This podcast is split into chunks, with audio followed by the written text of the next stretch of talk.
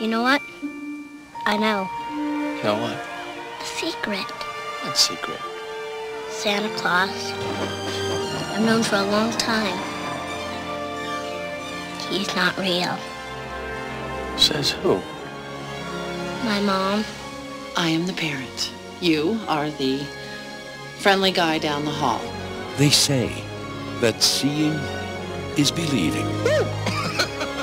but the truth is, the world is held together by things you can't see. There really has to be something you want for Christmas. A house, a brother, and a dad. That's all I ever want. He oh, loves you and he wants to kiss you. And he thinks you're the most beautiful woman in the whole world. If you're really Santa Claus, you can get it for me. Right.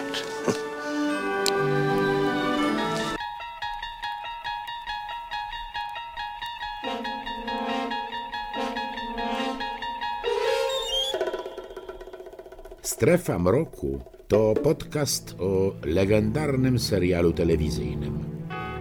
To relacja ze wszystkich odcinków oryginalnej serii prowadzonej przez Roda Serlinga. Omawiamy szeroki kontekst i wpływ, jaki wywarł ten serial na cały gatunek fantastyki, horroru i właściwie na całą kulturę.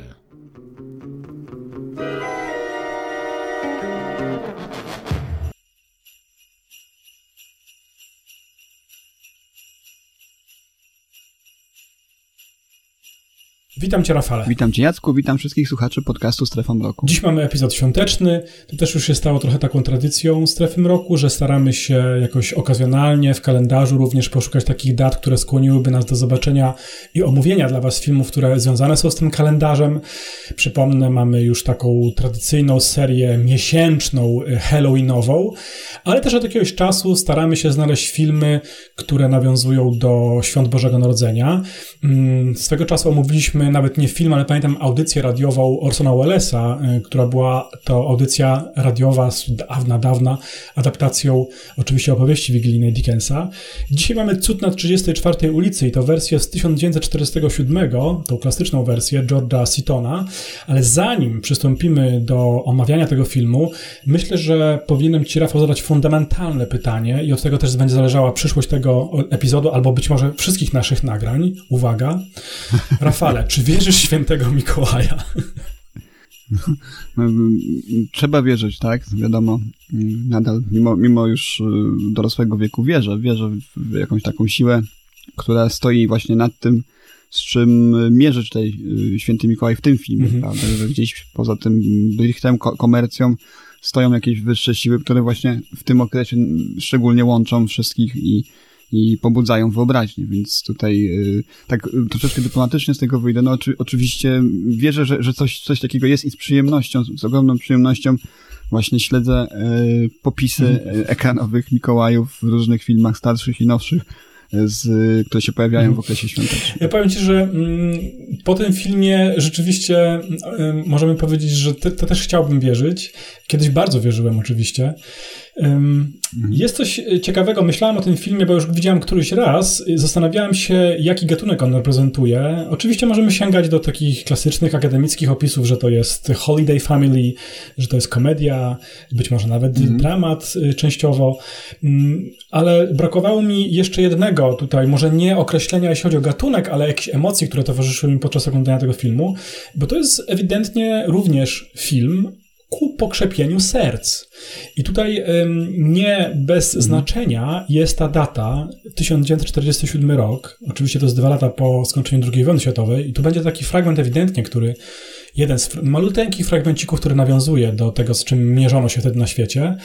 Mm, Myślę, że dzisiaj też o tym będziemy troszeczkę mówić, to znaczy wiesz, że ja mam hopla z, z ustawieniem naszych filmów, zwłaszcza tych starszych w kontekście historycznym, więc dzisiaj też o tym pewnie powiemy. Ten film jest y, ciągle klasykiem, wielokrotnie już przenoszonym na ekrany y, kin. My chwilę przed nagraniem mówiliśmy, że jeszcze istnieje wersja z lat 90. i również jest dostępna na platformie, z której myśmy korzystali. Myśmy tym razem po tą wersję z lat 90. nie sięgnęli, tylko też takim tytułem tradycji strefą rockowej. Y, zajmujemy się dzisiaj tą wersją właśnie z roku 47 i zanim ruszymy dalej, tutaj oczywiście muszę wkleić, gdzieś będą w tle dzwoneczki świętego Mikołaja, bo, bo, bo, bo to musi się pojawić w trakcie, w trakcie naszej rozmowy, przynajmniej na początku.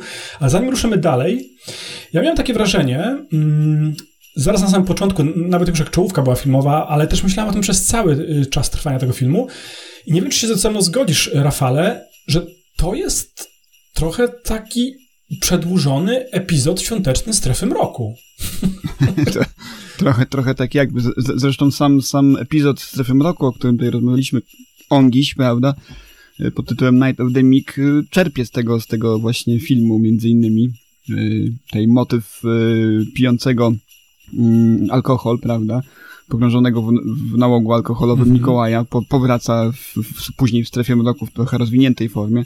Oczywiście tu ten nasz główny Mikołaj, prawda, ten, ten prawdziwy, oczywiście nadal tutaj ubieram to stwierdzenie trochę w, tak w cudzysłów, nie jest tym alkoholikiem, ale jednak na samym tak. początku pojawia się taki wątek, który później będzie kontynuowany nie tylko właśnie w odcinku Strefy Mroku Night of the Meek, ale również w wielu, wielu innych filmach, włączając to yy, właśnie yy, złego mhm. Mikołaja z Billim Bobem Tortonem chociażby, prawda? więc, więc tak, tak, rzeczywiście, rzeczywiście jest to troszeczkę taki strefomrokowy odcinek, przy czym też pozostawiający widzów, troszeczkę odwołując się do tego, co się dzieje w, na przestrzeni całego odcinka i pod koniec w takim stanie ambiwalencji, nie? Że, że to jest, ta wiara jednak zostaje pozostawiona, wyłączywszy jeden mały element mhm. w finale, zostaje pozostawiona po stronie widzów. Czy my wierzymy w to, co się wydarzyło na ekranie, czy my wierzymy y, w tego, w tego i w ogóle, czy wierzymy w świętego Mikołaja. To jest też bardzo ciekawe. Ja też chciałem o tym opomówić. Bo ja powiedziałem, że ten film widziałem, no widziałem go wiele lat temu i troszkę inaczej go zapamiętałem niż teraz, kiedy, kiedy się przygotowywałem do naszego nagrania mhm. i mm, ten element, nazwijmy metafizyczny, czy, czy, czy jakiś właśnie nierealny, który się pojawia, o którym ty wspominasz, pewnie do tego jeszcze nawiążemy, on jest tak delikatny, że, że mi i tak drobny, że mi umknął.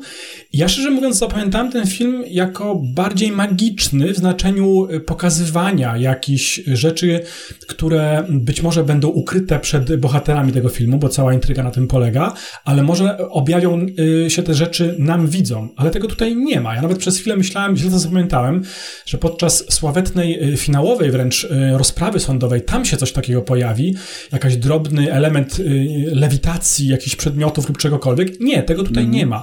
I to jest rzeczywiście dla mnie zdumiewające, że tak jak powiedziałeś, ten film pozostaje na tyle realistyczny, na ile może być, i y, ta niewiara, która tutaj jest y, zawieszona, która sprzedawana jest nam przez y, bohaterów, którzy są zgoła sceptyczni w głównej mierze, czy też przede mhm. wszystkim wobec tego, co widzą na ekranie, nam się również troszeczkę ta, ta niewiara no, Y, jak to powiedzieć, y, ujawnia i my też jesteśmy w tej niewierze, niewierze zawieszeni, niewierze zawieszeni I, jest to dziwne w tym mhm. filmie. Ja naprawdę myślałem, y, zwróćmy uwagę może od samego początku, jest to Nowy Jork, współczesny, rok 47. W ogóle akcja filmu rozpoczyna się, to też warte dla tych, którzy nie widzieli tego filmu, a nawet dla tych, którzy widzieli, a mogło im to umknąć, ten film się zaczyna 23 listopada. Nie ma wprost powiedziane, ale możemy wywnioskować, bo to jest święto dziękczynienia. Przygotowanie do wielkiej parady w Nowym Jorku, tradycyjnej parady święta dziękczynienia. Jest to jedno z takich świeckich świąt ciągle obchodzonych, nie wiem, może się to zmieni, nawiązującej do dawnych jeszcze wyda wydarzeń, kiedy to według legendy pierwsi osadnicy przybyli na statku Mayflower, zostali ocaleni z, od głodu przez rdzennych mieszkańców i od tego czasu no, biała większość y, Amerykanów obchodzi święto dziękczynienia, czy obchodziła święto dziękczynienia, zbierając się przy stole jedząc indyka. I to jest tak jakby początek y, też w tradycji tej y, świecko-religijnej y, świąt y, Bożego Narodzenia, bo od tego momentu, od 23 listopada według tradycji zaczyna się ten czas przygotowań, a przede wszystkim, co zobaczymy w tym filmie, zakupów. Więc my zaczynamy nasz film pod koniec listopada i już na napisach początkowych widzimy starszego mężczyznę, potem dowiadujemy się, że to jest Chris Kringle, który przechadza się po Nowym Jorku, zagląda y, do sklepów, nawet coś komentuje, ale od samego początku ta niewiara jest zawieszona. Nie mamy tutaj na przykład czegoś takiego, że Chris Kringle, zdradźmy naszym słuchaczom, no to jest domniemany święty Mikołaj. Nie mamy takiego motywu, że on gdzieś y, ląduje na przykład, prawda, jak Mary Poppins chociażby, albo że mm, wręcz materializuje się z niebytu, tak jak często wykorzystywano to w starych filmach, że mamy takie przenikanie i nagle pik, bohater się pojawia gdzieś tam w zaułku w Nowym Jorku i potem wychodzi, przechadza się po Manhattanie. Nie zwróciłem na to uwagę, że to jest czysty realizm. Taki rzeczywiście dla nas widzów jest informacja taka, że Chris Kringle jest po prostu jednym z noworodczyków, starszym panem z brodą, przypominającym Mikołaja, ale zupełnie ubranym mm, w strój, nazwijmy to w cudzysłowie cywilnym, cywilny strój i przechadza się oceniając, oglądając przygotowania do parady właśnie Święta Dziękczynienia. I, I to mnie zaskoczyło tym razem, że, że ten film właśnie operuje tym rodzajem niewiary, również skierowanym wobec nas, widzów, no bo to, że będziemy mieli mnóstwo bohaterów, mm. łącznie z główną bohaterką, niejaką Doris Walker, która będzie sceptyczką, realistką, to jest taka kobieta nowoczesna, jakkolwiek to zabrzmi dzisiaj, ale w latach 40. Przy, tym, tym, swoim, tym swoim właśnie poczuciem pragmatyzmu i tego twardego stąpania po ziemi, również, no powiem wprost, infekuje swoje dziecko, co, tak. co jest dla mnie takim, mm, mm, przyznam, że trochę nawet szokującym na początku, yy, bo, bo no, przeważnie dzieci trzyma się w tym właśnie stanie niewiary, znaczy wiary, tak jakby bym powiedział, niewi nie, niewiary w te wszystkie rzeczy, które są dla nas oczywiste, czyli, czyli że tak naprawdę to rodzice prezenty kupują, a nie, a nie święty Mikołaj przynosi i tak dalej. A na tej właśnie i, i, i odmawia temu dziecku prawa do puszczenia wo, wodzy wyobraźni i to dziecko nie wie nic na temat Nie czyta mu bajek, na temat bajek tak, tak, nie, nie ma w ogóle naj... pojęcia, że istnieją bajki. Tak, coś takiego i no, dziwne jest to troszeczkę tutaj. Zresztą te takich elementów e, dziwnych i, i nieco niecodziennych i nie dzisiejszych przede wszystkim jest całkiem sporo w tym filmie więc, więc to później, później być może wskażemy, ale rzeczywiście jest tu osoba, która jest e, taką powiedzmy e, totalną, jeżeli, można powiedzieć, ateistką, jeżeli chodzi o, o święta Bożego Narodzenia i tę, tę, tę tak jakby postawę również zaszczepia swojemu dziecku. Mhm. No to jest ciekawy właśnie ten element. Tak, tak.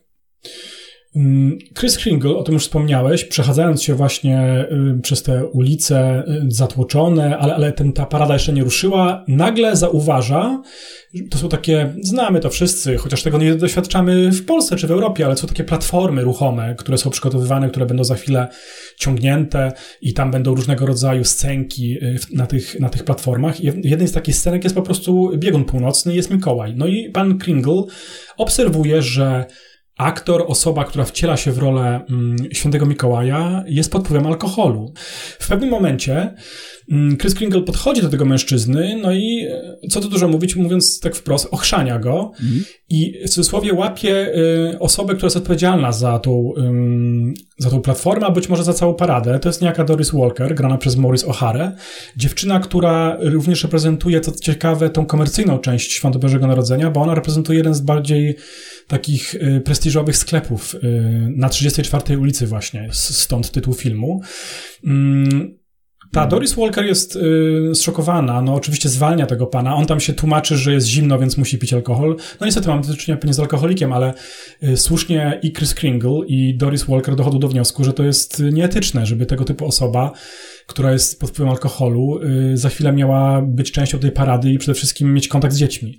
No i Chris Kringle, mówiąc już y, wprost i trochę przyspieszając, nam, zostaje namawiony przez Doris Walker, bo wygląda jak święty Mikołaj, żeby zajął jego miejsce. I, I, w ten sposób, i to jest fajne, to jest komedia omyłek, coś co lubimy, coś co od czasów Szekspira jest y, bardzo, bardzo fajne w komediach.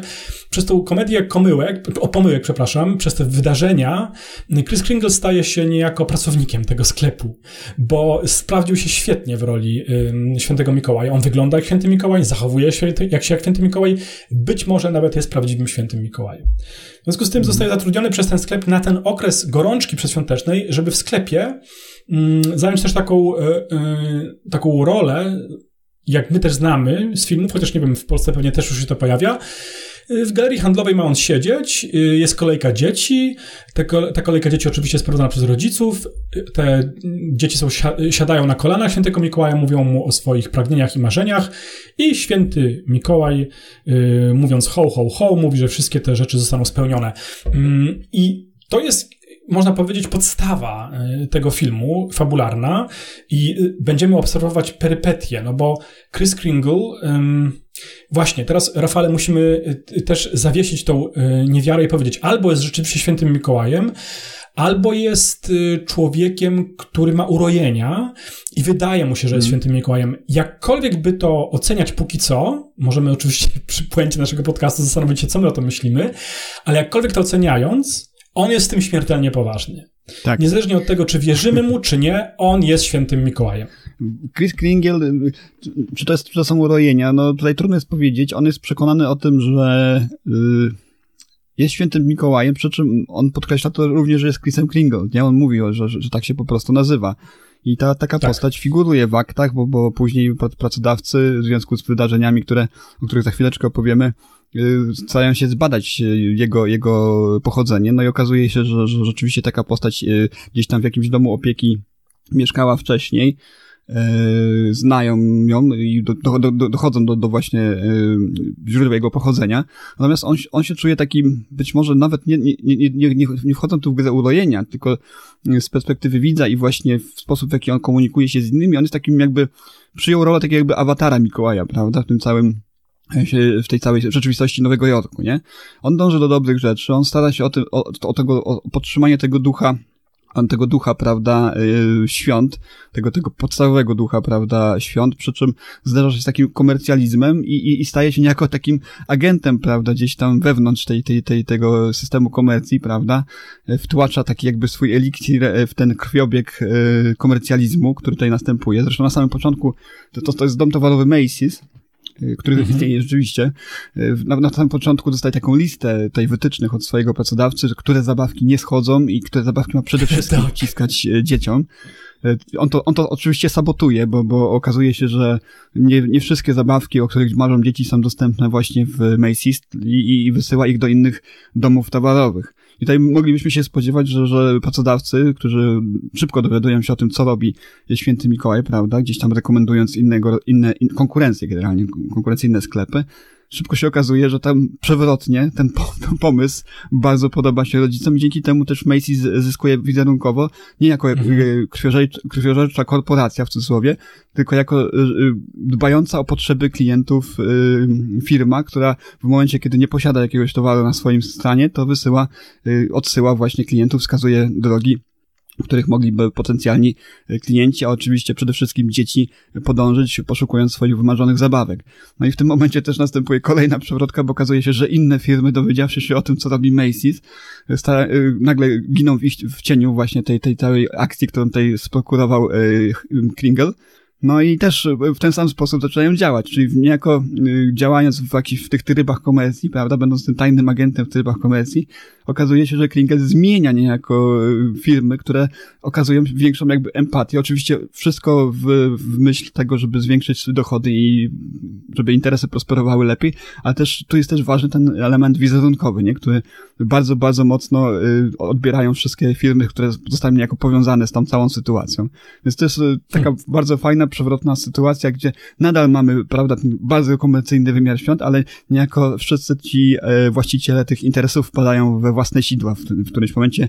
Właśnie dzięki, może nie przewrotności, ale takiej dobroduszności, prostolinijności, yy, i, i sposoby, w jaki postrzega święta, prawda, i ten cały mm, element, yy, który odgrywają w ramach tych świąt właśnie mm, zakupy, świąteczne przede wszystkim e, postrzega właśnie Kringle, czyli nasz domyślnie święty Mikołaj. Tak, to jest bardzo ważne, bardzo istotne i też bardzo sprytnie tutaj sprzedane, jeśli chodzi o budowanie tego scenariusza, bo to wszystko się trzyma, to wszystko się ładnie klei i rzeczywiście tak, bo spodziewalibyśmy się, że oni go tak. automatycznie zwolnią, prawda, co pan tu robi i nagle okazuje się, że y, do, do biura właśnie y, mm, jako kierownika tego sklepu, bo nie do samego Macy'ego, y, przychodzą matki zadowolone z tego powodu, że, że no, ich pociechy otrzymają u, u, wymarzone prezenty, nie? Dzięki temu właśnie podejściu, które tutaj Macy's prezentuje. Tak, nagle kapitaliści okazują się dobrymi ludźmi i troszeczkę wbrew sobie zaczynają lansować bardziej empatyczne spojrzenie na własnych klientów, co jest zaprzeczeniem, przynajmniej jeśli chodzi o doktrynę samego kapitalizmu, żeby jak najwięcej zarobić. Tutaj zwróciłeś uwagę i słusznie, że sklep potencjalnie jest skłonny wysłać swoich klientów do innego miejsca, ale tylko żeby zbudować swój wizerunek i w konsekwencji y, nie tracić na tym, ale w tym ujęciu dalekosiężnym, czy też y, szerzej patrząc. Jest to bardzo y, ciekawe i to mnie skłania, tutaj się na chwilę bym zatrzymał do tego mojego pierwszego spostrzeżenia dotyczącego zdziwienia troszeczkę, ale też spostrzeżenia dotyczącego w jakim okresie ten film powstał. To jest ciekawe, że to jest 47 rok i tak bardzo w tym filmie uwidaczniają się te wszystkie elementy, których my znamy współczesny świat. Najpierw Amerykę, a później mm. współczesny świat. Konsumpcjonizm, który dominuje, który żeruje, można powiedzieć, na ludzkich uczuciach, związanych chociażby ze świętami Bożego Narodzenia. Jest to nasza rzeczywistość. Zszokowało mnie to o tyle, że to jest 47 rok, czyli dwa lata po skończeniu II wojny światowej. Tutaj nawiążę do tego również, o czym mówiłem wcześniej Nowy Jork, rzeczywiście nagrywany był ten film w Nowym Jorku. Nie wnętrza, ale wszystkie plenery były nagrywane w Nowym Jorku. Nowy Jork wygląda fenomenalnie w tym filmie. Znaczy, widzimy um, mm.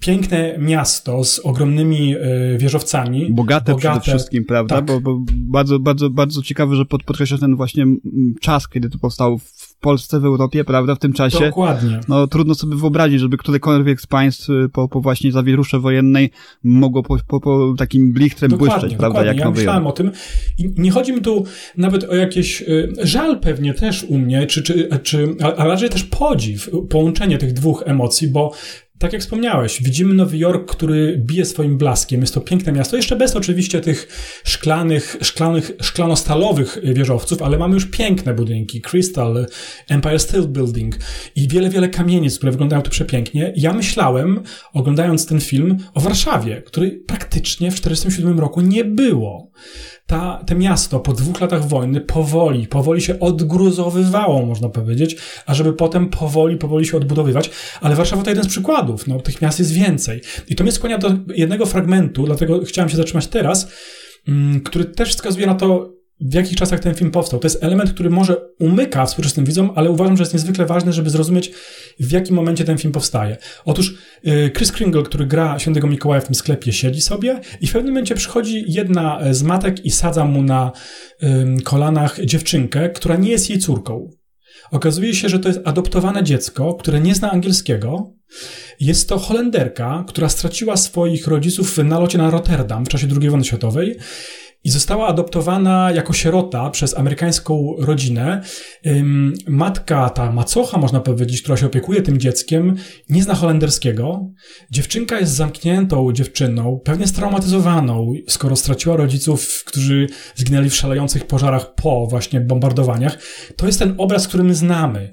Zniszczone miasta, zniszczone życia i ta dziewczynka mm, stoi przed Mikołajem, patrzy na niego, ta, ta kobieta, czyli jej macocha mówi, no przeprowadziłam ją, ale ja wiem, że pan nie jest świętym Mikołajem i pan nie zna jej języka. I w tym momencie Chris Kringle Wel, święty Mikołaj, zaczyna zachrzaniać po holendersku do tej dziewczynki. I widzimy, mhm. jak ta dziewczynka się rozpromienia. I widzimy nawet, że brakuje jej wszystkich mlecznych zębów z przodu. To jest też rozczulające. Ale to jest, to jest bardzo wzruszający fragment, mhm. a równocześnie bardzo dobrze pokazujący czasy. Tak, jeden z, jeden z rzeczywiście najbardziej wzruszających, wzruszających fragmentów w tym filmie.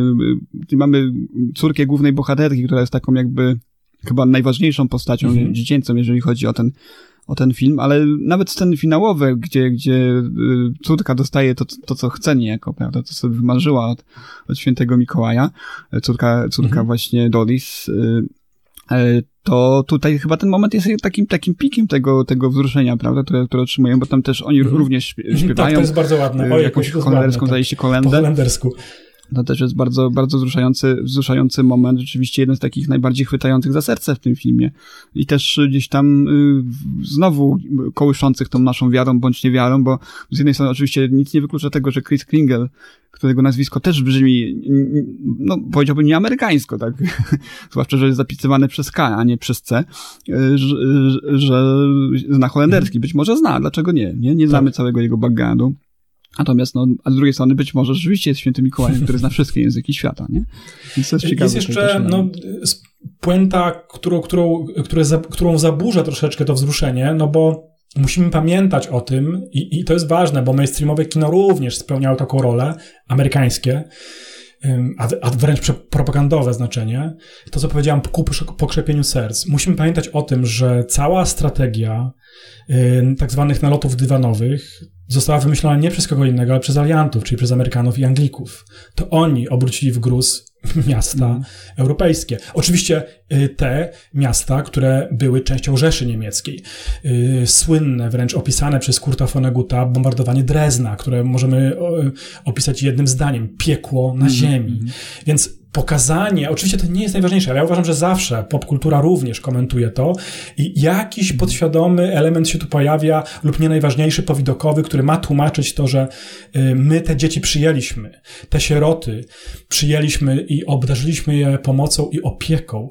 Jakkolwiek banalnie to zabrzmi, jest to dosyć znaczące. Uważam, że w tym drobnym fragmencie mamy tyle elementów, łącznie z usprawiedliwieniem się takim, że okej, okay, zwróciliśmy dwie bomby atomowe na Hiroshima, bo nie nie Hiroshima i Nagasaki oczywiście, nie zapominajmy również drugiego frontu i tu również ym, są winni y, tych bombardowań przecież Amerykanie. Ja nie chcę tu politykować, nie o to chodzi oczywiście. Ja staram się być jak najbardziej obiektywny, oceniając mm -hmm. ten y, obraz popkultury, jaki to widzimy. I, I, tyle miałem rzeczy y, w głowie, kiedy oglądałem ten fragment, który mnie wzruszył, a równocześnie pomyślałem sobie, aha, 20th Century Fox, 20th Centuries Fox, która oczywiście jest producentem tego filmu, więc wielkie studio hollywoodzkie, również delikatnie próbuje przemycać tego typu rzeczy. My mamy dobrobyt, ale my również pomagamy. Też musimy pamiętać, że to jest już początek y, zimnej wojny. Fulton i przemówienie Churchilla to właśnie jest chyba 47 rok, jak dobrze pamiętam, a na pewno końcówka lat 40., y, kiedy y, Churchill ogłasza Cold War. Więc, więc to też jest wszystko tutaj, wydaje mi się, powiązane. Jeszcze sekundę, zanim ruszymy dalej, pogadajmy o aktorstwie, bo wydaje mi się, że to jest istotne, jeszcze o tym nie rozmawialiśmy. Chris Kringle to jest Edmund Gwyn, Edmund y, Gwyn przepraszam. Aktor, którego y, nasi słuchacze znają, jeśli słuchali podcastu jesiennego, y, pod tytułem Kłopoty z Harym. To jest aktor, który zagrał u Hitchcocka i bardzo mnie cieszy, że my omawiamy Cud na 34 ulicy w zimie, z Edmundem Gwinem, a mieliśmy Edmunda Gwina jesiennego, kiedy omawialiśmy kłopoty z Harem właśnie na jesień.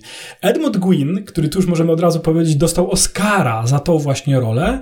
Nie wiem, czy wiesz, i dlatego y, zapytałem cię o wiarę twoją świętego Mikołaja, ale Edmund Gwyn, kiedy odbierał Nagrodę Akademii Filmowej, trzymając statuetkę, powiedział teraz już wierzę w świętego Mikołaja. Taki był zachwycony. Fenomenalna rola, zresztą całkowicie zasłużona. On tu, on tu po prostu jest e, takim dobrodusznym y, człowiekiem. Już pominąwszy całą tą naszą wiarę lub bądź nie wiarę i, i to, w jaki sposób bawią się z nią twórcy, rzeczywiście on tutaj tę, tę, tę rolę spełnia. On tutaj jest, staje się e, świętym Mikołajem, świętym Mikołajem na takie nowoczesne czasy troszeczkę, nie? Które się tutaj mierzy z tym, co no, warte krytyki, jeżeli chodzi o cały ten blik. Tutaj minęło już tyle lat, Jacku, i żyjemy w 2023 roku. Przy okazji zahaczyliśmy przy, e, przystanek w, 60, w 1960, gdzie właśnie Henry Colvin też narzekał i walczył z tym komercjalizmem świąt, a my nadal mamy to, nie? I, i jest mhm, jeszcze gorzej, mhm. nie? Więc yy, święta tutaj się zaczynają już e, zaraz po 1 listopada, tak. po Halloween. Yy, już yy, w sklepach Tesco możemy obserwować taką kuriozalną sytuację, gdzie na jednej półce jeszcze mamy przebrania, prawda, halloweenowe, a naprzeciw na półce są już bombki i, i prezenty świąteczne, prawda? Więc jest jeszcze gorzej. No niestety ani, ani tutaj y, Chrisowi Kringlowi, ani właśnie Henry'emu Corwinowi, ani wszystkim Mikołajom, którzy w późniejszych obrazach filmowych występowali otwarcie przeciwko temu, co się dzieje z materią świąt, nie udało się tego zmienić. To prawda, jest jeszcze gorzej. Gdzie jesteś, Chris Kringle? Pomóż nam, to prawda. Mm, jeszcze o aktora, aktorach, bo chcę powiedzieć o mm, Susan Walker, czyli tej wspomnianej już kilka razy przez nas córce Doris Walker, Trochę mm. byłem w szoku, kiedy odkryłem, kto to jest, bo to jest ośmioletnia Natalie Wood.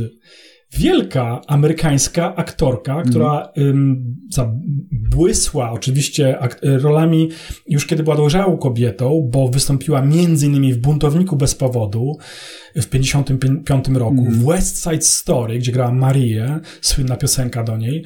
Ym, I tragiczna historia z nią związana. Ja ciągle jak myślę o tej pięknej y, kobiecie, pięknej y, aktorce i dobrej aktorce, mhm. myślę o tej tragedii, bo ona w wieku 43 lat w bardzo niejasnych okolicznościach straciła życie. Um, oficjalna wersja jest taka, że ona była na jachcie, zresztą z Christopherem Walkenem, innym aktorem amerykańskim. Y, pod wpływem alkoholu byli wszyscy i ona wypadła za burtę tego jachtu i się po prostu utopiła. Mm, to jest oficjalna wersja. Nieoficjalna jest taka, że tam doszło również do przemocy. Nie wnikając w to, ona zmarła no, nagle, y, właśnie utonąwszy y, w wieku 43 lat. Jest to smutne, bo to jest Wspaniała aktorka i jak się dzisiaj przekonałem, przygotowując się, zagrała jako ośmioletnia dziewczynka w tym filmie. Co ciekawe, ja zacząłem oczywiście szperać, to jest jej pseudonim artystyczny. Ona, wyobraź sobie, nie wiem, czy, czy, czy, czy, czy kiedyś o tym słyszałeś, pochodziła z Ukrainy. Była dziewczyną, y, kobietą z Ukrainy. Jej rodzice mm. wyjechali z Ukrainy podczas wojny domowej, czyli jeszcze w latach 20., 30. Ona nazywała się Maria Gurdin, jak dobrze pamiętam, al, al, albo coś mogę mylić, ale, ale może jej matka nazywała się Maria Gurdin, ale ona zmieniła zupełnie swoje mm. nazwisko i ym, dała się poznać właśnie jako aktorka ym, dziecięca. Co ciekawe, jej rodzina ta ukraińska w Ameryce była bardzo biedną rodziną i na początku, kiedy Natalie Wood już zaczynała grać w takich filmach jak Cud na 34 ulicy, y, ona utrzymywała rodzinę swoją dzięki, dzięki tym rolom w tych filmach hollywoodzkich, hmm. bo y, oni byli niewykształconymi właśnie ludźmi, emigrantami i to Natalie Wood była y, główną y, osobą, która przynosiła zysk dla tej rodziny. Jest to, jest to niezwykłe y, i tutaj możemy powiedzieć, ja, ja przyglądałem hmm. się jej co róż, ona naprawdę fajnie gra tutaj w tym filmie. Te wszystkie, pamiętasz zabawę z Chrisem Kringle, tak, kiedy tak, udają tak, małpki? Oczywiście. To jest fajne. Mhm. mhm. Tak, te, to też drugi z moich ulubionych momentów w ogóle, bo to jest ten moment, w którym właśnie udaje się wreszcie y, Kringlowi przełamać ten taki pragmatyzm tutaj mocno, mocno, bardzo głęboko zaszczepiony w tej jeszcze tak, młodej to osobie. prawda, to prawda. Pójdźmy dalej może troszeczkę z akcją, bo powiedzieliśmy, że Chris Kringle jest zatrudniony w sklepie, ale dochodzi mm. jeszcze jeden element, który też mi się wydał dosyć, jak to powiedzieć, progresywny jak na swoje czasy, no bo zatrudniony jest w tym sklepie, w, w tym, no nie sklepie, w tej, w tej firmie można powiedzieć, rozszerzając to, bo to jest globalna sieć, czy też nie może nie globalna, ale państwowa sieć, Zatrudniony jest ktoś na kształt psychologa, który bada pracowników. Mm, ja bym nawet mhm. powiedział, że z naszego punktu widzenia to jest taka medycyna pracy, prawda? Czyli ktoś, kto musi przejść podstawowe badania fizyczne i odpowiedzieć na kilka.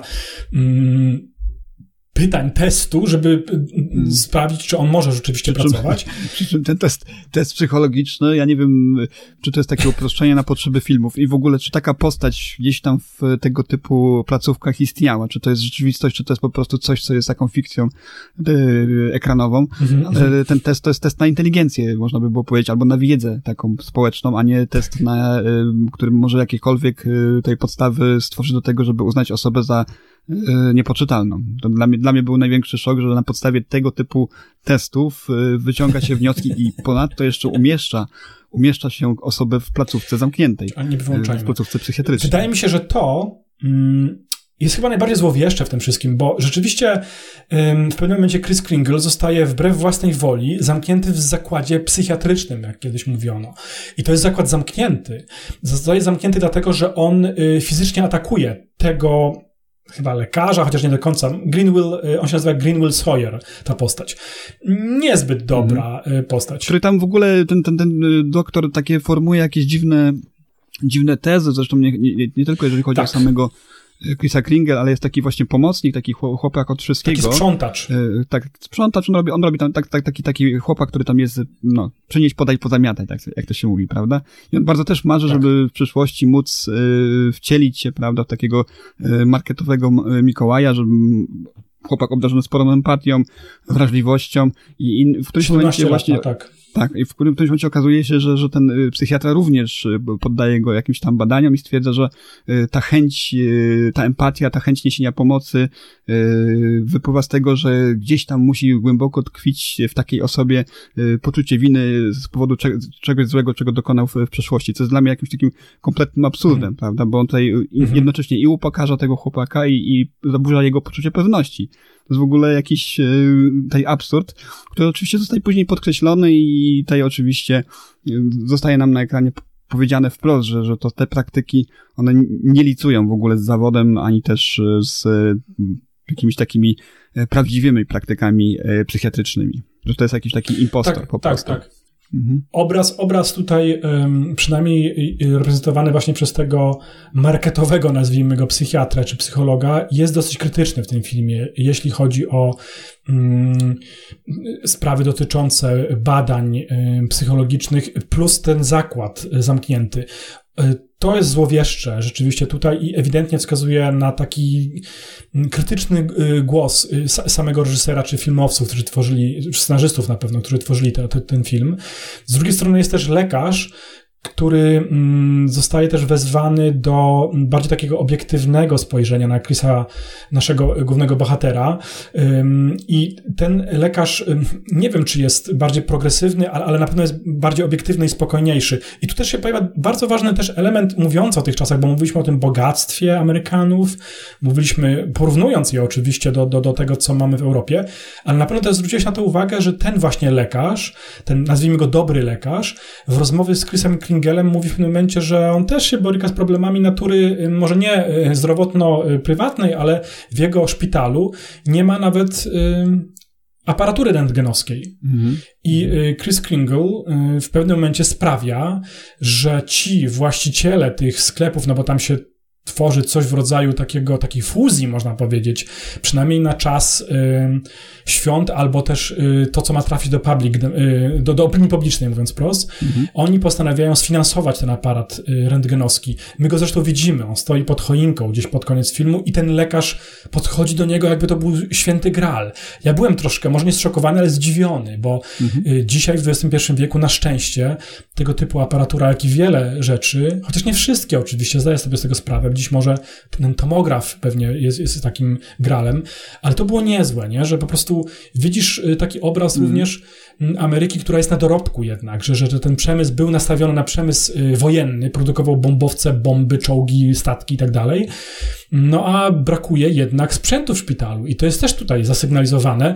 Niejako Chris Kringle, y, znowu będę polityczny, wybaczcie dzisiaj słuchacze, jest tutaj jak y, taka orkiestra świątecznej tak. pomocy dla, dla tego lekarza Tak, zresztą, nie? w zresztą momencie. myślę, że to jest znamienne i znowu, tak jak mówiłem o tym komercjalizmie świąt, tak, tak też o tym poziomie y, Mhm. usług publicznych, a, w szczególności y, szpitalów takich y, w Stanach Stanach Zjednoczonych y, również y, nie uległ y, znaczącej zmianie, a można by powiedzieć po tych wiadomościach, które tutaj otrzymujemy gdzieś tam poza y, oczywiście kinem, które pokazuje y, Amerykę w taki, a nie inny sposób, rzeczywiście jest bardzo źle, y, jeżeli chodzi o opiekę medyczną, taką, taką taką publiczną, no, powiedziałbym, nie? Bo To jest, to jest bardzo drogie, cały czas te, te, te rzeczy są bardzo drogie, a takie właśnie placówki mniejsze muszą się borykać z y, podobnymi zresztą tej Mhm. ekranowy No właśnie problemami. i ym, ten, ten element, czy też ten, ten, ten rys, y, nazwijmy go medyczny, również ma wpływ na to, co już nazwaliśmy y, grand finale tego filmu, bo Chris zostaje zwolniony mm, z tego zakładu zamkniętego, mm, szpitala, ale musi nie tyle poddać się karze, bo tego nie wiemy jeszcze, ale jest proces sądowy, mówiąc wprost.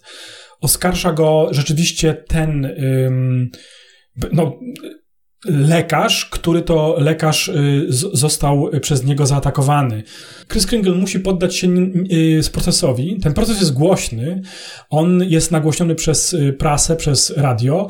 To wpływa również na samego sędziego, który zostaje niejako ostrzeżony przez kolegę po fachu, że ten wyrok, bo to się chyba odbywa bez ławy przysięgłych, z tego co pamiętam, ale jego wyrok mm, będzie rzutował na to, jak on będzie w ogóle odbierany przez e, opinię publiczną, a ten sędzia, to też wchodzimy w politykę teraz tą filmową, e, wybiera się później e, do, e, jako gubernator czy do senatu, no chce być politykiem, w związku z tym Mamy, jest mamy tutaj z, z, takim dość dziwnym, kuriozalnym, Tak. który, który, który tutaj z punktu widzenia widza y, widz powinien przyzwolić na tego typu rzecz, ponieważ dzieje się ona w dobrej sprawie, natomiast jakby na to nie ten sędzia zostaje w pewien sposób zastraszony i, i skorumpowany również. co, co my mamy odebrać jako, jako, jako pozytywny akcent całej tej historii, bo później widzimy e, miny i, i też e, takie znaczące spojrzenia, które właśnie z tym e, tej panem sobie wy, wymienia sędzia w trakcie samego procesu. To jest, no, dziwne. Jestem ciekaw, jak sobie poradził z tym elementem remake, gdzie, gdzie podejrzewam, że, że widzowie i społeczeństwo jest dużo mniej przyzwalające jest na tego typu mhm. praktyk. No ale tutaj mamy rzeczywiście z próbą korupcji, zresztą udaną i no, le lekkim zastraszeniem samego sędziego.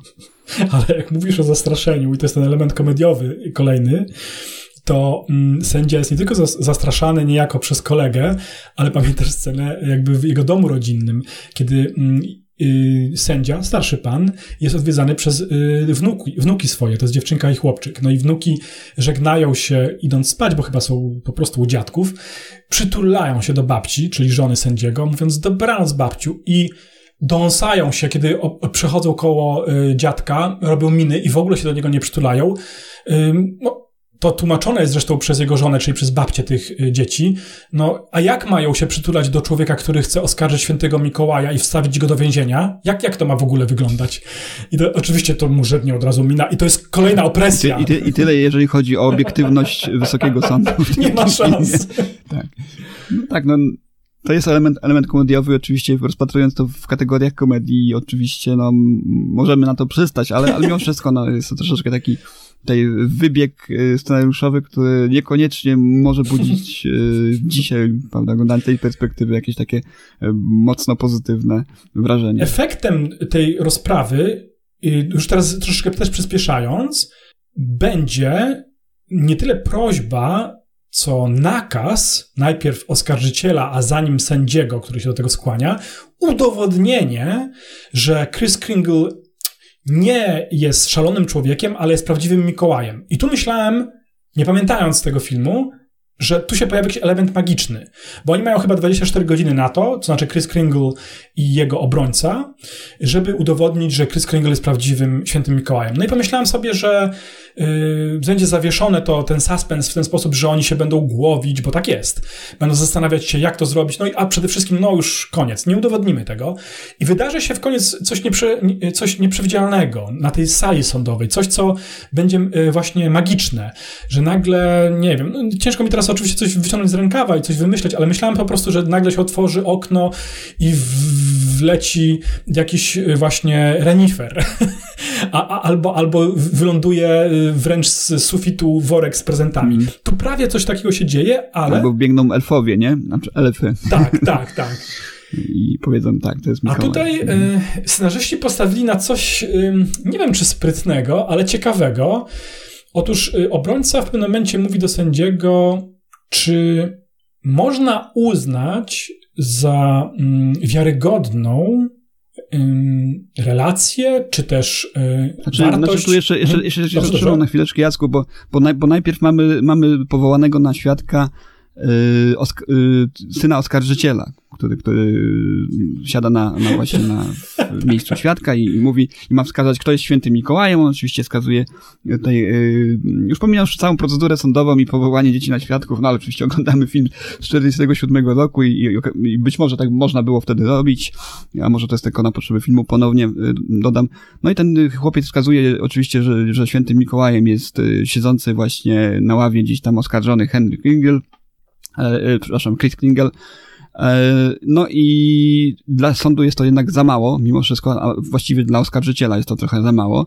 On potrzebuje poświadczenia jakiejś instytucji, konkretnej instytucji państwowej, umocowanej właśnie w ramach e, prawodawstwa amerykańskiego, mhm no i teraz y, tutaj dla właśnie obrony jest to moment, w którym musi taki, taki dowód znaleźć, y, który poświadcza mm, tożsamość właśnie y, Chrisa Kringle jako świętego Mikołaja. Tak. I możemy zastanowić się, no trochę wchodząc w głowę tego adwokata, jaka instytucja jest najbardziej wiarygodna, cieszy się największym i największą estymą społeczeństwa, nie wiem, służby właśnie szpitalne, strażacy, armia pewnie po wygranej wojnie, ale okazuje się, że jest to również amerykańska poczta. Mm, to jest ciekawe i to też jest wiarygodne. Jest przecież tajemnica, mm, tajemnica y, korespondencji y, i adwokat y, mówi o tym, że no są listy, które pisane są do Chrisa Kringela, do świętego Mikołaja listy i te listy, chociaż nie są zaadresowane, W sensie to jest tam napisane przez dzieci oczywiście na tych kopertach do świętego Mikołaja, czy adres święty Mikołaj, nie wiem, coś tam. One jednak mimo wszystko trafiają w swoje miejsce i yy, efektem oczywiście tych listów są prezenty, które dostają dzieci. Ja, ja się śmieję, bo to, to wszystko jest sprzedawane y, w sposób poważny. Widzimy salę sądową, y, ale, ale y, musimy w to uwierzyć po prostu. Jeśli chcemy dalej oglądać film z przyjemnością, to musimy w to uwierzyć wszystko, że to się jakoś trzyma. To znaczy, że sędzia również mm, musi wziąć to pod uwagę. Swoją drogą, wiesz co, ja nie jestem oczywiście, nie zajmuję się prawem, nie jesteśmy prawnikami, ale wydaje mi się, że y, Wiele rzeczy w prawie, chociaż prawo powinno być, nie powinno być jednoznaczne, powinno być oczywiście jak najbardziej napisane i obiektywnie i, i, i stanowić te fundamenty społeczeństw, to wydaje mi się, że również y, możemy sobie mniemać, że pewne rzeczy można interpretować. Ja wiem, że teraz może zajmę się jakąś kazuistę i tutaj sprzedaję dziwne rzeczy, ale to pole do interpretacji jest chyba częścią również, przynajmniej y, spraw sądowych. Koniec końców, nie wiem, czy tak jest prawda, czy nie, czy teraz trochę zmyślam, ale koniec końców sędzia mówi: listy, listy? No to dowody to są, tak? To chcę je zobaczyć. Adwokat jeszcze się trochę kryguje, mówi: ale na pewno? Tak, proszę mi tutaj na moje biurko położyć no, te dowody. No i otwierają się drzwi sali sądowej, wchodzą listonosze i już wiemy, na czym będzie polegał ten, y, powiedzmy, mm, mniej lub śmieszny żart. Tych mhm. listów jest tysiące. Przy czym to jest właśnie ten żart zbudowany w ten sposób, że, że początkowo przynosi mu adwokat jako dowód trzy listy, nie? że to trzy listy, które przyszły do, do, do świętego Mikołaja, do Chrisa Kringle, a na to, na to właśnie sędzia mówi, że no, czy, czy, czy, czy, oskarżyciel, nie pamiętam już dokładnie, mówi, że trzy listy to troszeczkę za mało, żeby taki dowód, y, żeby to udowodnić, że, że Chris Kringle jest świętym Mikołajem, na, na co oczywiście obrońca mówi, ale, ale, ależ tych listów mamy więcej no to proszę mi je tu wszystkie przynieść. Adwokat na to, ale czy jesteś pewien, nie, do sędziego, czy, czy jest Wysoki Sąd pewien, że, że, że wszystkie, na, tu wszystkie na moje biurko w tej chwili, nie? I to właśnie cały żart w tym, na tym polega, że wchodzi właśnie e, kilko, kilkunastu listonoszy z workami pełnych, pełnymi listów, no i wysypują je tutaj nonszalancko na, na tej y, sędziowski stół. Także sędzia, żeby w ogóle dalej móc prowadzić tą rozprawę, musi, no, czy chce, czy nie chce, rękami przesunąć te stosy listów, żeby w ogóle było widać kawałek jego twarzy przez górę tych listów. No jest to bardzo w klimacie właśnie takich y, filmów ku pokrzepieniu serc. Taka scena, że z jednej strony balansujemy na takiej powadze i przebijamy ten balon y, w rozbrajający sposób, no bo jak tu dyskutować z tysiącami listów, które zaadresowane są przez dzieci? My nawet widzimy, że te literki są takie koślawe, pisane jakąś y, woskową kredką, prawda, gdzie jest napisane Santa, z jakimiś może błędami, tak jak dzieci pisały Cmentarz dla zwierząt w powieści Kinga, więc to wszystko jest chwytające za serce. No i y, sędzia nie ma wyjścia, wstaje i w całym swoim majestacie uznaje, że święty Mikołaj to Chris Kringle, ten i jedyny prawdziwy święty Mikołaj.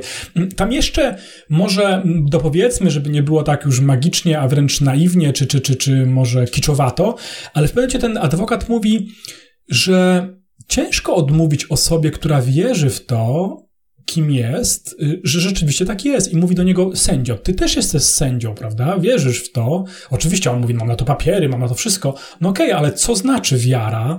Co znaczy mm, mm, takie stuprocentowe myślenie o kimś, y, że, że rzeczywiście on jest, nie wiem, kowbojem, że on jest y, świętym Mikołajem, albo na przykład, y, że ktoś chce być mnichem tybetańskim, no to jest wręcz względna. Nie trzeba urodzić się w Tybecie, żeby być mnichem tybetańskim, prawda? Jeśli rzeczywiście chcesz w to wierzyć i, i, i przede wszystkim, no pewnie chodzi też o to, żeby nie krzywdzić innych, to w ten sposób możesz być kim chcesz. Tak, tak, mniej więcej też takiego, co się pojawia, prawda? Gdzieś tam w okolicach pokazania tych listów, że, że mm, musimy wierzyć w to po prostu, że Chris Kringle wierzy w to, że jest świętym Mikołajem, yy, a więc, ergo, to jest święty Mikołaj.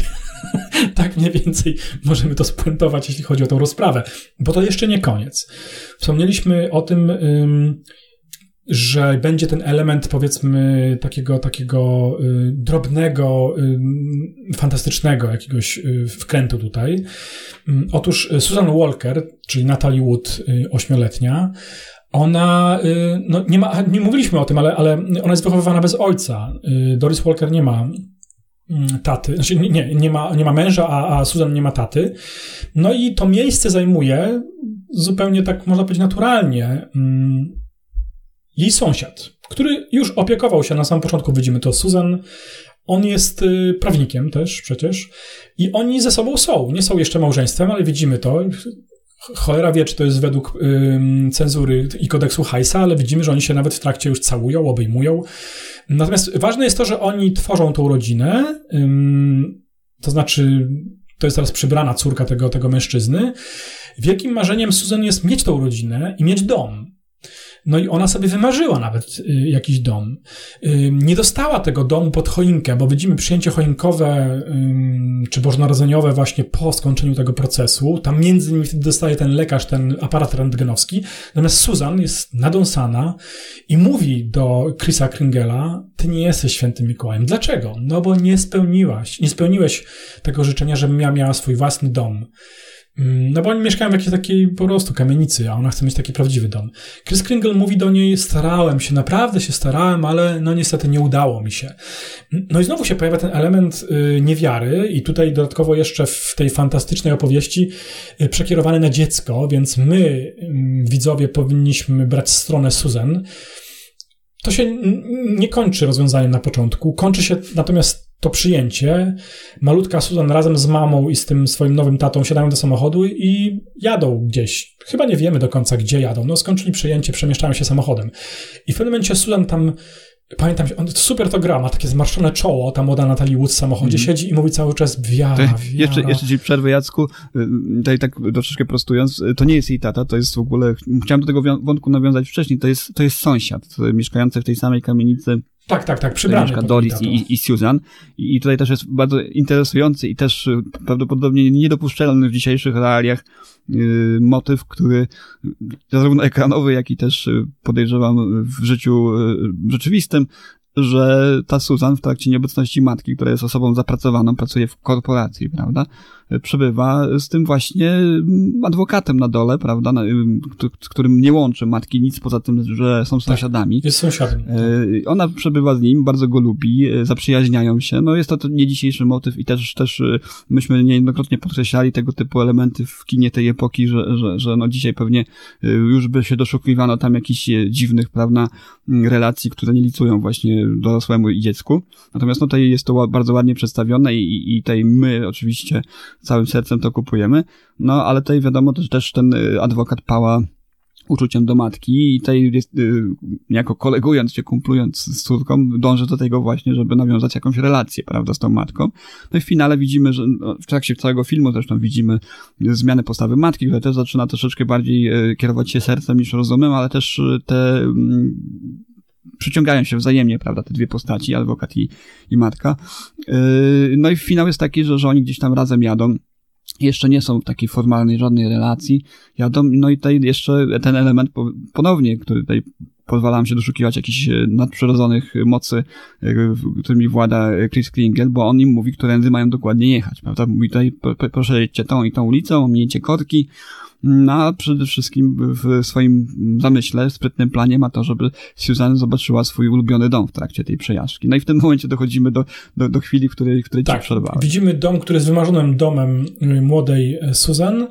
Ona każe zatrzymać samochód, wybiega, jej mama i ten przyszły tato nie wiedzą y, o co chodzi, biegną za nią, mijają, my to widzimy, widzowie, tabliczkę sale, czyli ten dom jest na sprzedaż.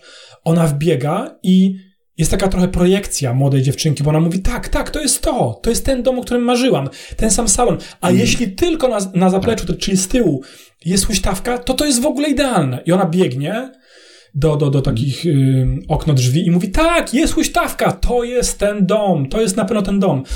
No i para się przytula dorosłych i mówi, no skoro to jest dom na sprzedaż, a mamy założyć rodzinę, to rzeczywiście nie powinniśmy przed tym bronić, tylko po prostu kupić ten dom. I w tym momencie zupełnie przypadkiem kierują wzrok do kominka, i przy tym kominku stoi, oparta jest o ten kominek y, laseczka. Mhm. Laseczka, którą wcześniej miał Chris Kringle. I oni robią zdziwione miny. W każdym razie bardzo podobna do, do tej, którą, tak. którą miał. Nie? Bo to Być też, może to jest koincydencja. Nadal, nadal do no końca. Tak. Mm, tak, tak, tak. I jest ściemnienie i tak kończy się film. Nie ma, tu, nie ma tutaj elementów innych, które by wskazywały na to, że mamy tutaj wydarzenia metafizyczne, że jest to fantazy, że jest to jak, jakiś rodzaj właśnie działań nadprzyrodzonych.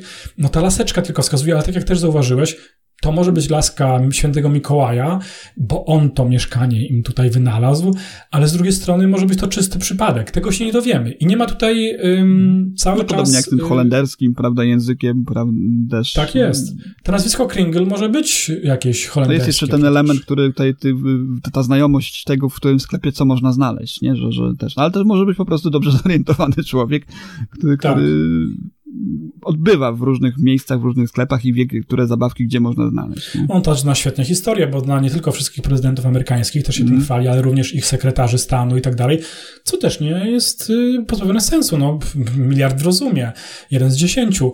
To ciekawe, jak mówimy o, w ogóle o psychologii, bo być może y, to też jest wskazanie takie bardzo współczesne, że Chris Kringle y, jest y, człowiekiem, który, podobnie jak Rain Man filmowy, grany przez Dustina Hoffmana, rodzajem nie tyle schorzenia, co jakiegoś zespołu, który pozwala mu właśnie być skupionym na tego typu detalach i po prostu sobie świetnie radzi. Zna daty, zna wszystkie rzeczy, które są w sklepach, a przy tym jest niezwykle empatyczny. Mm, to się wszystko tutaj gdzieś jakoś tłumaczy, nawet współcześnie, kiedy ten film y, oceniamy, chociaż film ma już no 70 y, przecież kilka lat. Dobrze liczę? Tak, to jest 47 rok, czyli, czyli mamy 53, no 70 kilka lat. Film są trzy Oscary. Już wspomnieliśmy, że Ernest Gwynn dostał swojego jedynego Oscara za tą rolę. To jest y, druga, drugoplanowa rola i dwa Oscary za scenariusz. Jeden za oryginalny scenariusz, drugi za scenariusz, scenariusz. Tak, tak, tak to ujęto. Mm, być może to jest adaptacja, ale nie, nie spotkałem się z tym. Jest, nie, raczej odwrotnie, że jest to scenariusz i za scenariusz oryginalny. Więc taki, taka była nagroda. Trzy Oscary zdobył. Stał się oczywiście klasykiem amerykańskim. Mm, jest to stary film, no, bo teraz pytanie powinno być, czy powinniśmy naszym słuchaczom polecić tą wersję, czy powinni zobaczyć. No, jeśli słuchacie Strefy Mroku, jeśli tu jesteście, no to wiecie, że my bardzo z Rafałem i nasi wszyscy goście Lubimy klasykę, lubimy te filmy. One oczywiście mają swoje wady. Ta konwencja jest tutaj specyficzna.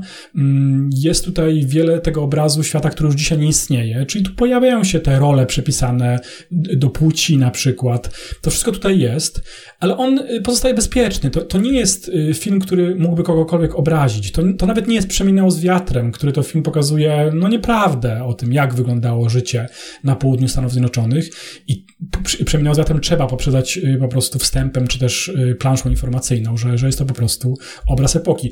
Tutaj mam, miałem wrażenie, że oprócz tego, że to jest retro film, to nie ma tutaj czego się bać. Spokojnie ten film możemy obejrzeć nawet z mhm. młodszymi widzami.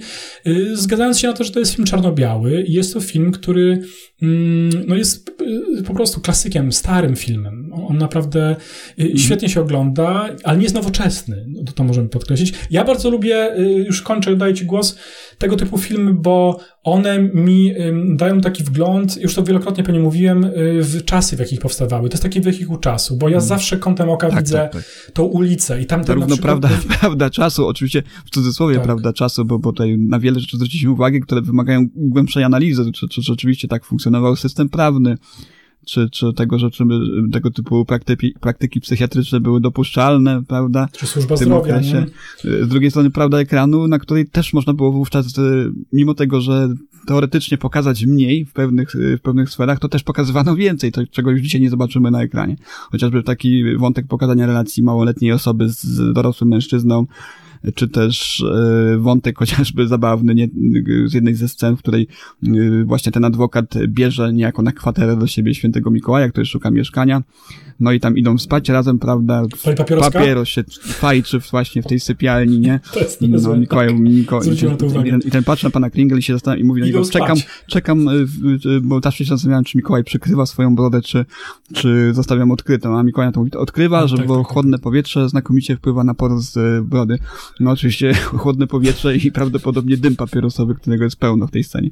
Więc dużo takich właśnie artefaktów. albo ewentualnie zaproszenie ognia, nie? Tak, I pożar. Tak, tak. Dużo takich artefaktów, które dzisiaj na ekranie nie są z, no, z oczywistych przyczyn e, pokazywane, nie uświadczycie ich e, W związku z czym my zawsze odnajdujemy tego typu elementy jako dość interesujące ciekawostki, że, że kino, y, mimo że stało się czasem progresywne, to pod wieloma względami też z, z różnych przyczyn y, mm, ważnych, istotnych, y, też regresywne, prawda, -hmm. bo nie mhm. pokazuje się różnych rzeczy dzisiaj. No tak, ja mówiąc o tym, że mogę mieć wgląd też, tak, tak, to wszystko powiedziałeś jest, jest słuszne, ten, ten motyw z papierosem też teraz sobie przypomniałem, a o tym zapomniałem, żeby o tym powiedzieć, też mnie dosyć poruszył, że tak oni, wiesz, już chyba, jest, no nie wiem, nie widzieliśmy tego, ale umyli zęby, są w piżamach i on jeszcze pali papierosa. Bardzo zdrowe, bardzo, bardzo mm. przyjemne. Mm. Natomiast ja miałem też na myśli to, że na przykład ta parada na Święto Dziękczynienia to jest prawdziwa parada. Możemy zobaczyć tych ludzi, te mhm. balony i jak to wyglądało. To jest, to jest po prostu kronika filmowa. Często tak było w tych starych filmach. To jest ładnie, ładnie wkomponowane tak. jest. Ładnie wkomponowane jest też tak. na tej po, tylnej projekcji. Jako, jako mhm, na nim. Mhm. Tak, tak, tak. W, w, w, pierwszej scenie, bo to się tak, ładnie, ładnie w tej komponuje na tej, w, z tą witryną okienną, na której, z której, z której tę paradę obserwuje Susan Mała z mieszkania właśnie adwokata.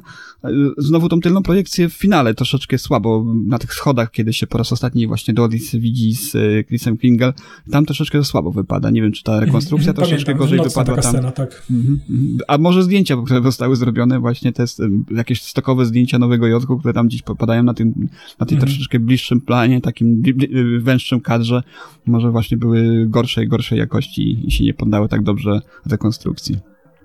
Tak, tak, może, może tak być. Mm, ja na pewno bym ten film polecił, jeśli lubicie klasykę i chcecie zobaczyć pierwociny jakichś filmów świątecznych. To oczywiście nie jest pierwszy film, no bo jeszcze mamy Franka Capra, który kręcił tego typu filmy, mm, jak na przykład Cudowne Życie, y, y, jeszcze wcześniej. Mm, to są filmy z lat 30 i 40. Tak naprawdę ta tradycja jest tak głęboka jak historia kina, na pewno historia kina dźwiękowego.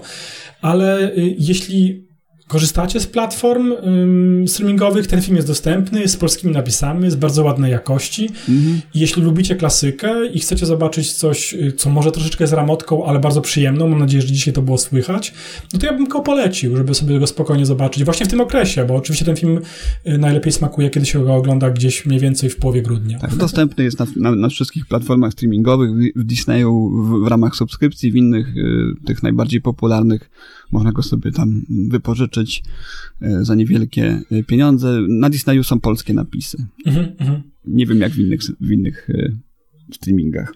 Tak. I to chyba dzisiaj wszystko. Ja już się wypstrykałem ze wszystkich emocji i, i, i, pomysłów. Jeszcze jest jedna aktorka mm, Hitchcockowa, która się tutaj pojawia, Telma Ritter.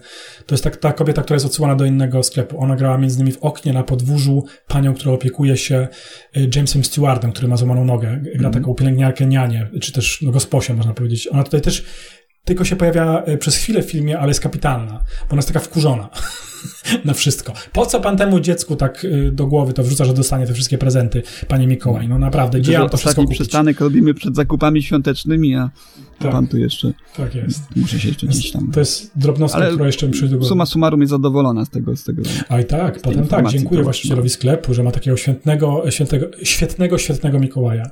Świetnego, świętego, to chciałem powiedzieć. No dobra, to jest nasza drogą, reklama, reklama, reklama, y, cały film jest reklamą Macy's, nie? Tej, tak. Nie wiem, czy, czy tam doczytałeś, Jacku, ale ten, ten, ten dom towarowy, czy tam sieć tych domów towarowych, ich właściciele musieli zgodzić się na to, żeby, żeby mhm. ta marka znalazła się w tym filmie i po, po skończeniu, w ogóle to, co ciekawe, dopiero po skończeniu całego filmu obejrzeli go i dopiero wtedy wyrazili zgodę. Jestem ciekaw, co by było, gdyby nie wyrazili zgody. Dużo rzeczy no, by wymagało zmian w, ty, w tym. Sprawa sądowa i pewnie jakieś zmiany. Tak, mm. tak, pewnie by tak było, znając życie. Na szczęście dopuścili ten film do. do... Swoją drogą zastanawiam się w tej wersji z lat 90., jak to wygląda. Być może to jest też, yy, może to jest na przyszły rok nasza lektura świąteczna. Jak tam wygląda sprawa, to znaczy, yy, jakie sklepy tam są przedstawione, nie? Czy to na przykład jest Mattel się pojawia, czy jakaś inna marka znana bardziej współczesnym widzom. Mhm. Dobrze, Rafale, to wszystko chyba y, w tym ostatnim przedświątecznym y, epizodzie Strefy Mroku. My się już widzimy w 2024 roku, rozpoczynamy kolejny rok. A teraz, na koniec, też chyba tytułem tradycji, nie pamiętam, ale na pewno tak było, y, złóżmy naszym słuchaczom pogodnych świąt. My zazwyczaj zajmujemy się mrokiem w tym podcaście i raczej zachęcamy Was do bania się, do, do, do szukania odpowiedzi na własne jakieś lęki właśnie poprzez lektur szeroko pojętej popkultury, ale tym razem pożyczymy wam spokojnych przede wszystkim świąt. Czasy są cały czas y, niepewne, takie jest życie, więc tym bardziej życzymy wam zdrowych i spokojnych świąt, prawda? Bożego Narodzenia. Tak, życzymy zdrowych, spokojnych świąt. Y, Oczywiście gdzieś tam, żeby udała się wam ta ucieczka od tej, od tej komercji.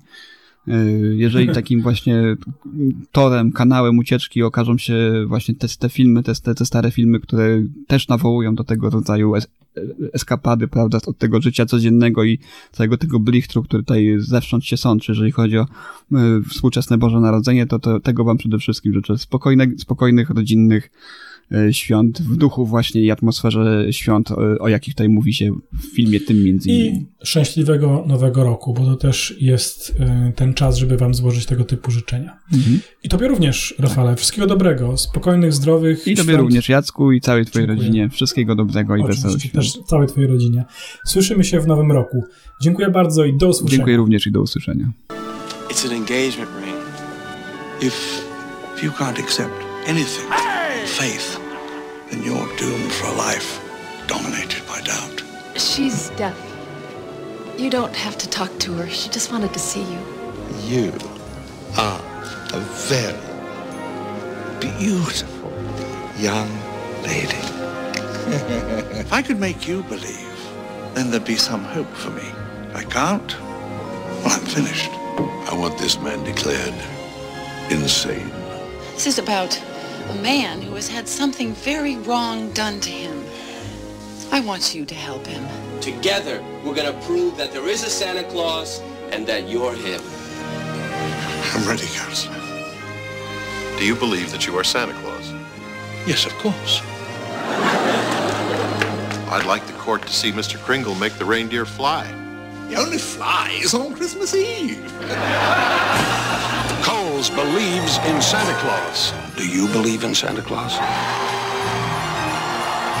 If this court finds that Mr. Kringle is not who he says he is, then I would ask the court to judge which is worse. A lie that draws a smile I knew it. or a truth that draws a tear. This season, 20th Century Fox presents you with the most precious gift of all something to believe in.